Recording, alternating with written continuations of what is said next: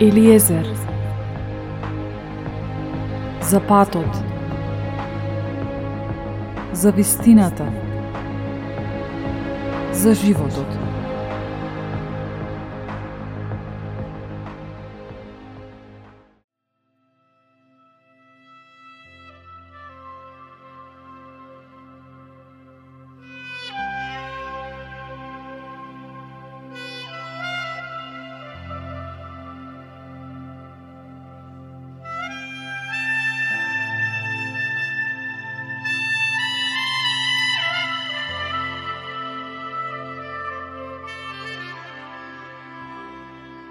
Во животот потребно е да бидеме искрени и отворени за вистината. Понекогаш на вистина ни е потребно директно соочување со реалноста. Тоа го правеше Исус Христос со секого. Не со цел да го понижи, туку едноставно да го поправи мислењето за одредена работа кај тој поединец. Да го пренасочи кон вистинскиот пат. Една од таквите случаи беше разговорот со богатиот човек кој прашуваше како може да наследи живот вечен – а Исус му одговори со следниве зборови. Ги знаеш заповедите. Не прелюбодействувај, не убивај, не кради, не сведочи лажно, почитувај ги таткото и мајкати. А тој рече, сето тоа сум го запазил од младоста своја. Штом го чутоа, Исус му рече, уште едно не ти недостига. Продај се што имаш и раздај го на сиромаси, и ке имаш сокривиште на небото. Потоа дојди и следиме. А тој, кога го чу тоа, се нажалил и беше многу богат.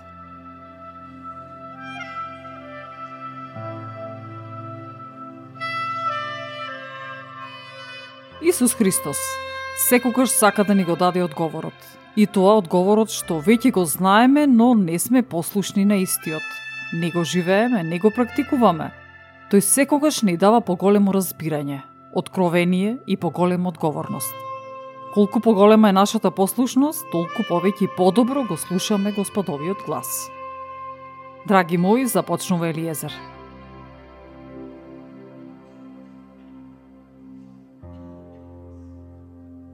Oh.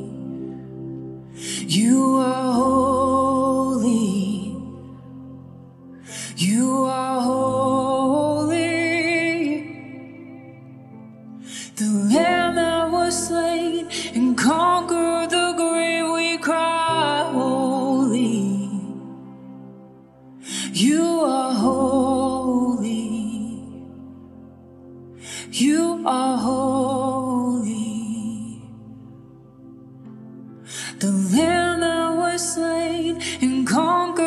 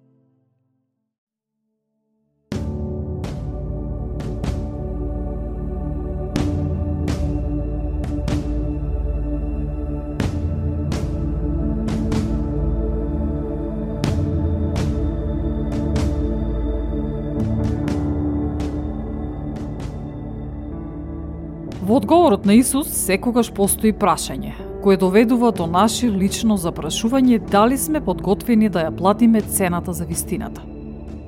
Зошто богатиот човек се нажалува? Богатиот човек треба да свати дека стои пред Бог. Бидејќи доколку не знае пред кого стои, може би нема да биде волен да ја плати цената што е потребна за предизвикот што Бог ќе му го донесе во неговиот живот. Исус Христос му рече на богатиот, дојди и следи ме. Исус никогаш не ја користи наградата како подкуп за некој човек да се согласи да го следи. Особено во овој случај со богатиот човек и покрив фактот што потоа учениците негови велат вака. Ете, ние оставивме се и те следиме. А Исус му рече, Вистина ви велам, дека нема ни еден што оставил куќа или родител, или браќа, или сестри, или жена, или деца заради Царството Божјо, а да не добил многу повеќе од тоа што сега, во ова време и во идниот век, и живот вечен.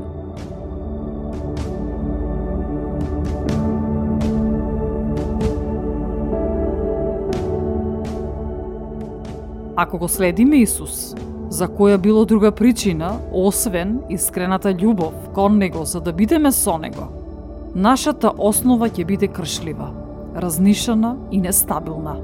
И ние ќе се поколебаме во тешки времења, бидејќи живењето, следењето на Исус Христос има многу награди и придобивки, но има и висока цена.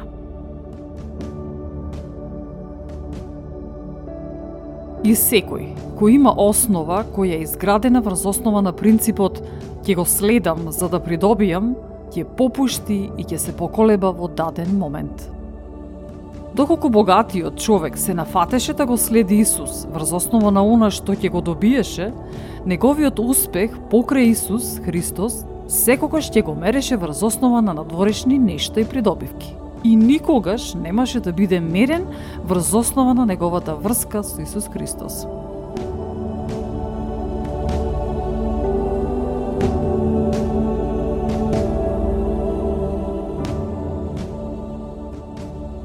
Поминуваме низ различни сезони, во изобилие и во недостаток. Доколку ја мериме и оценуваме сезоната во која што сме врз основа на надворешни услови, ќе дојдеме до погрешен заклучок. Патувањето е исклучиво врска, однос. А во тоа патување, Исус Христос ги додава сите работи што се поврзани со просперитетот, благословите. Ако го градиме нашиот однос, нашата врска со Господ Бог врз основа на она што ќе го добиеме од таа врска, тогаш всушност нанесуваме нечистотија во цементот, предизвикувајќи да биде толку кршлив при што ќе нема доволно цврста основа за да крепи каква било потешка структура. А она што го сака Исус од оние што го следат е едноставноста и чистотата на посветеноста, каде што не е поради исходот. Да не се разбереме погрешно. Не станува збор за вечно живење во недостаток, тешкотија туку многу важно е да се знае дека да се изгради цврста врска со Исус Христос е потребно да немаме багаж. Нешто што ќе не влече. Нели во Матеј, седмата глава, пишува Зашто тесна е вратата и тесен е патот што водат во живот, и малкумина се кои го наоѓаат. Еден е патот, Исус Христос. Тој е влезот за доживотното дружење со Небесниот Татко.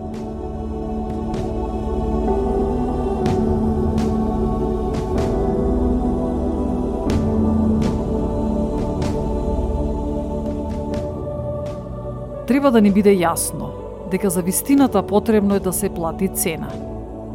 Дали сме подготвени да ја платиме цената? Да, Христос ни вели дека ќе ни даде се во изобилие, доколку се одлучиме да го следиме. Но ни укажува на фактот дека животот со него ќе биде проследен со прогонство од различни аспекти. Дали тоа ќе биде во доживување искушение одреден временски период, Дали понижување, дали отфрлање од луѓето околу нас, дали одрекување од некои потреби и желби. Тој на некој начин ни вели. Да, ќе ти дадам повеќе, но тоа привлекува и повисок данок. Подготвен си да го платиш?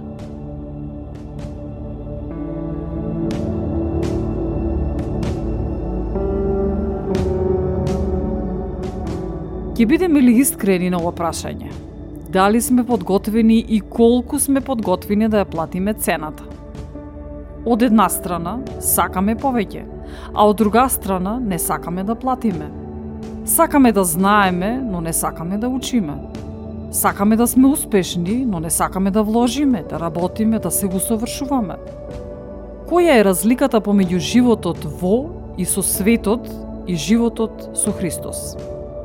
Во светот се е работа на договор, бизнис, интерес. Но со Христос основата е љубов, врска, однос, разбирање, заедништво.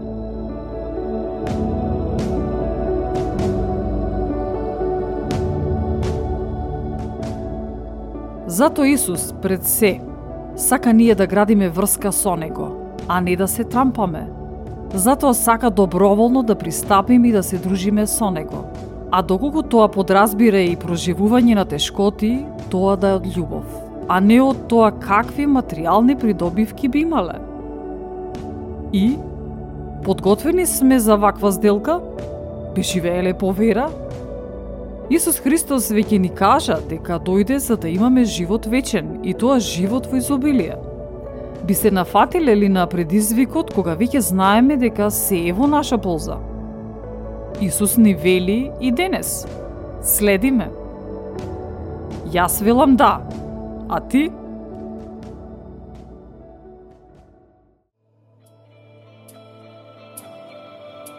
And I just wanna bless your name.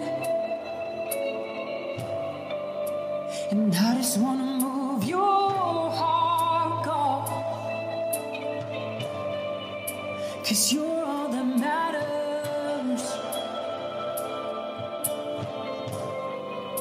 You sure?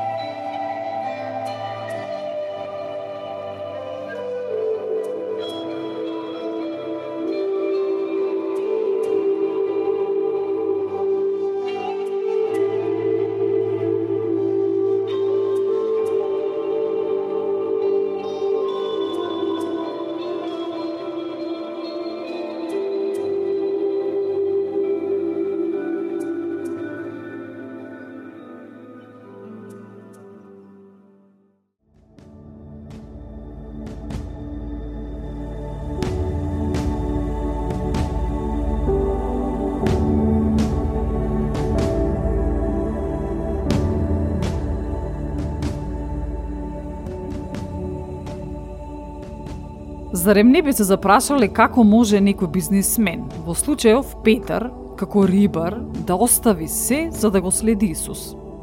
Зарем не беше така? Исус му рече следиме, а Петар го остава својот бизнис, својата работа, семејството. Каква храброст!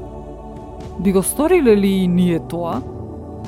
Сепак, Верата е израз на нашата доверба во Него како Бог што наградува, како што пишува во послание до евреите 11 глава. А без вера не е можно да му се угоди на Бога, бидејќи оние кои доаѓаат при Бога треба да веруваат оти Он постои и дека ги наградува оние што го бараат.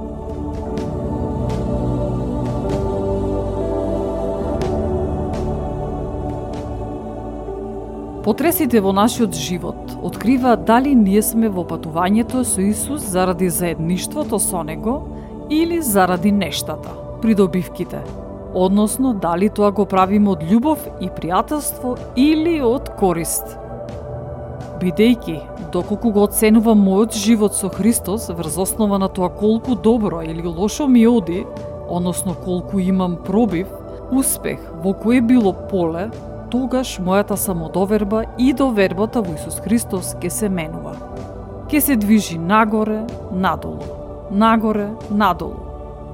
Но, доколку гледам од поинаков аспект, дека имам целосна доверба во него и дека добивам и ќе добијам повеќе отколку што заслужувам. Дека тој направил и прави повеќе отколку што можам јас да сторам за себе. Дека јас Не се сакам толку колку што тој мене ме сака. Дека штом се најдам во тежок период, тоа треба да биде можност јас да бидам поблиску до него. И дека се е во ред. Се е во врска со патувањето и со оној со кого патувам. Тоест, со Исус Христос. Се е за Исус Христос. Тој е патот, вистината и животот.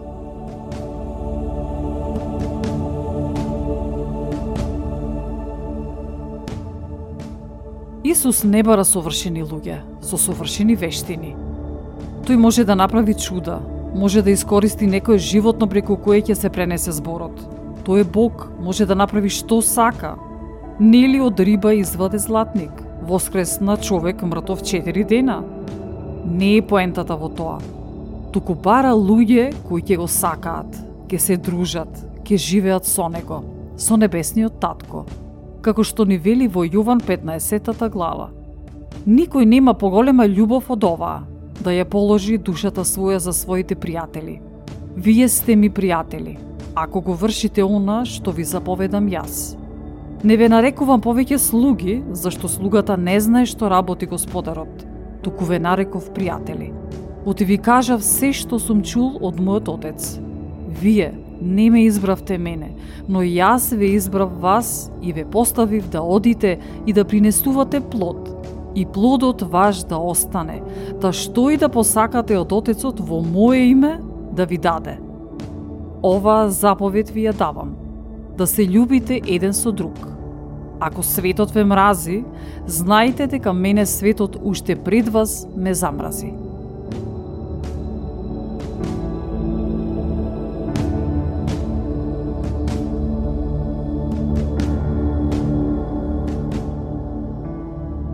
Ке можеше ли Петар да му служи на Исус доколку беше неодлучен? А можеше ли да го понесе со себе бродот, неговиот бизнис? Истото се однесуваше и за богатиот човек. Тој му робуваше на своето богатство. Тој беше врзан за материјалните нешта. Одделувањето од богатството, од парите, не се однесува за секого, туку за оној кој е врзан за истото. Некој е врзан за пењето алкохол, некој за пушењето цигари, некој за зборувањето и така натаму. Зашто си врзан ти? Зашто сум врзана јас? Дали сме свесни? Што е тоа што не одделува од Исус Христос? Христос тежне е кон истакнување на вистинскиот проблем. Продира директно во коренот на проблемот.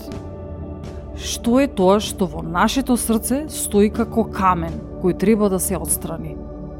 Што е тоа што се крие и потајно го помрачува нашиот благослов? Тука лежи клучот за нашиот пробив. Знаеме ли дека доколку не го користиме на правилен начин, она што ни е дадено како благослов, лесно може да се претвори во проклетство.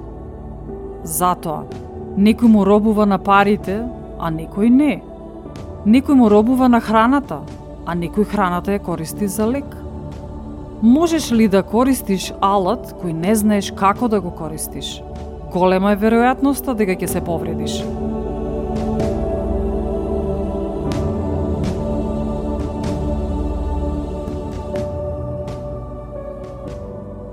Повеќето ја знаеме случката со Мојсей, кога Господ Бог го прати Мојсей кај фараонот за да го слободи Израилевиот народ. Овчарскиот стап што го користеше Мојсей се претвори во змија. Во Излез четвртата глава стои. Господ му рече, што ти е тоа во раката? А тој одговори, стап. И му рече, фрли го на земја. И го фрли на земја, а тој стана змија и Мојсей избега од неа. А Господ му рече на Мојсей, испружи ја раката своја, па фати ја за опашката. И ја испружи раката ја фати и пак стана стап во раката негова. Така ќе поверуваат дека ти се јавил Господ, Бог на татковците нивни.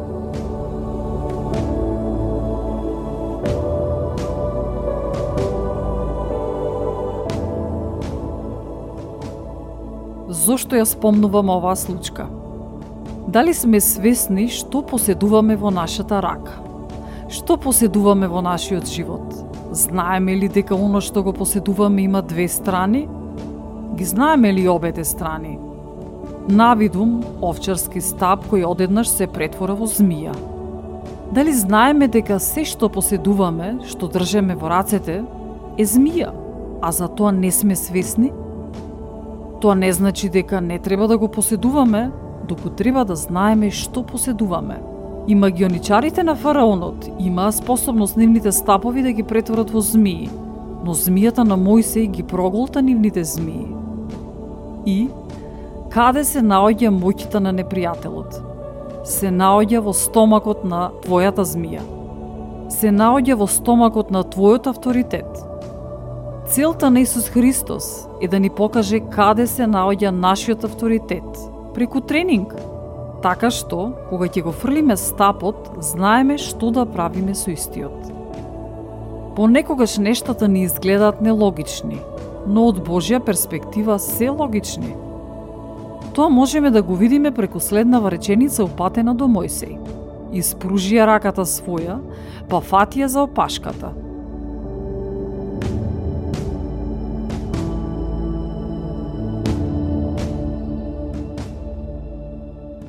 Она што знаеме како правило е дека змија не се фаќа за опашка, нели? Што ме така, што е тоа што Мојсей треба да го стори? Се се сведува на следново. Се додека држеме змијата кај главата, ние сме искушувани да мислиме дека нашата интелигенција, нашето знаење, ќе не држи нас сигурно од опасноста. Но, ако ја фатиме на начин како што ни вели Бог, односно за опашката, тогаш сме на сигурно. На Бог не му пречи да поседуваме нешта, но треба да знаеме како да ги поседуваме.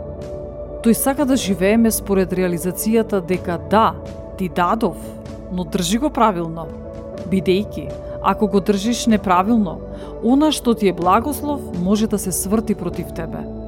Она што ти е дар, вештина, материјална работа, за да успееш во животот, може да се претвори во нешто што ќе биде закана за твојот живот.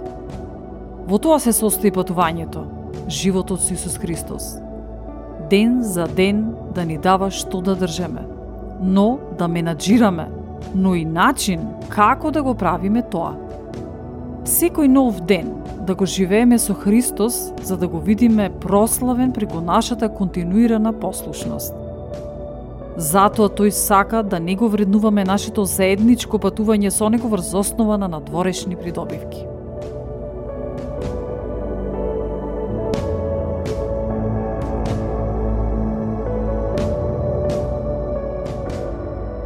Целта е Исус Христос да ни биде на прво место, а се останато да биде второстепено.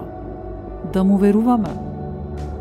Да, благодарни сме за се што имаме, но вистинското богатство е во заедништвото со Него.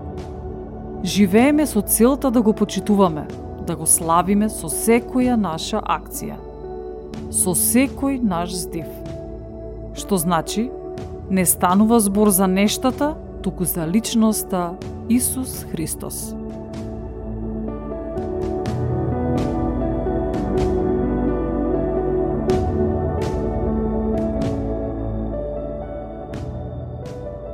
За крај на издание ми останува само прашањето.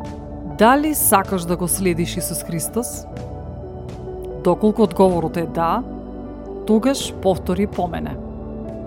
Мил Господи, јас сум грешник. Се покајувам за сите мои гревови. Ти признавам Господ Исусе за мој Господар и Спасител. Ти велам да за патувањето со Тебе. Дојди во мојот живот. Амин.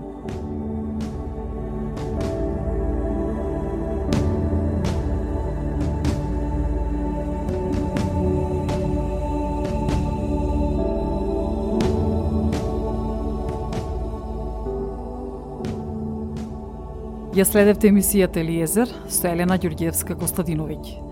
Под покровителство и во соработка со Господ Исус Христос и Господ Свети Дух.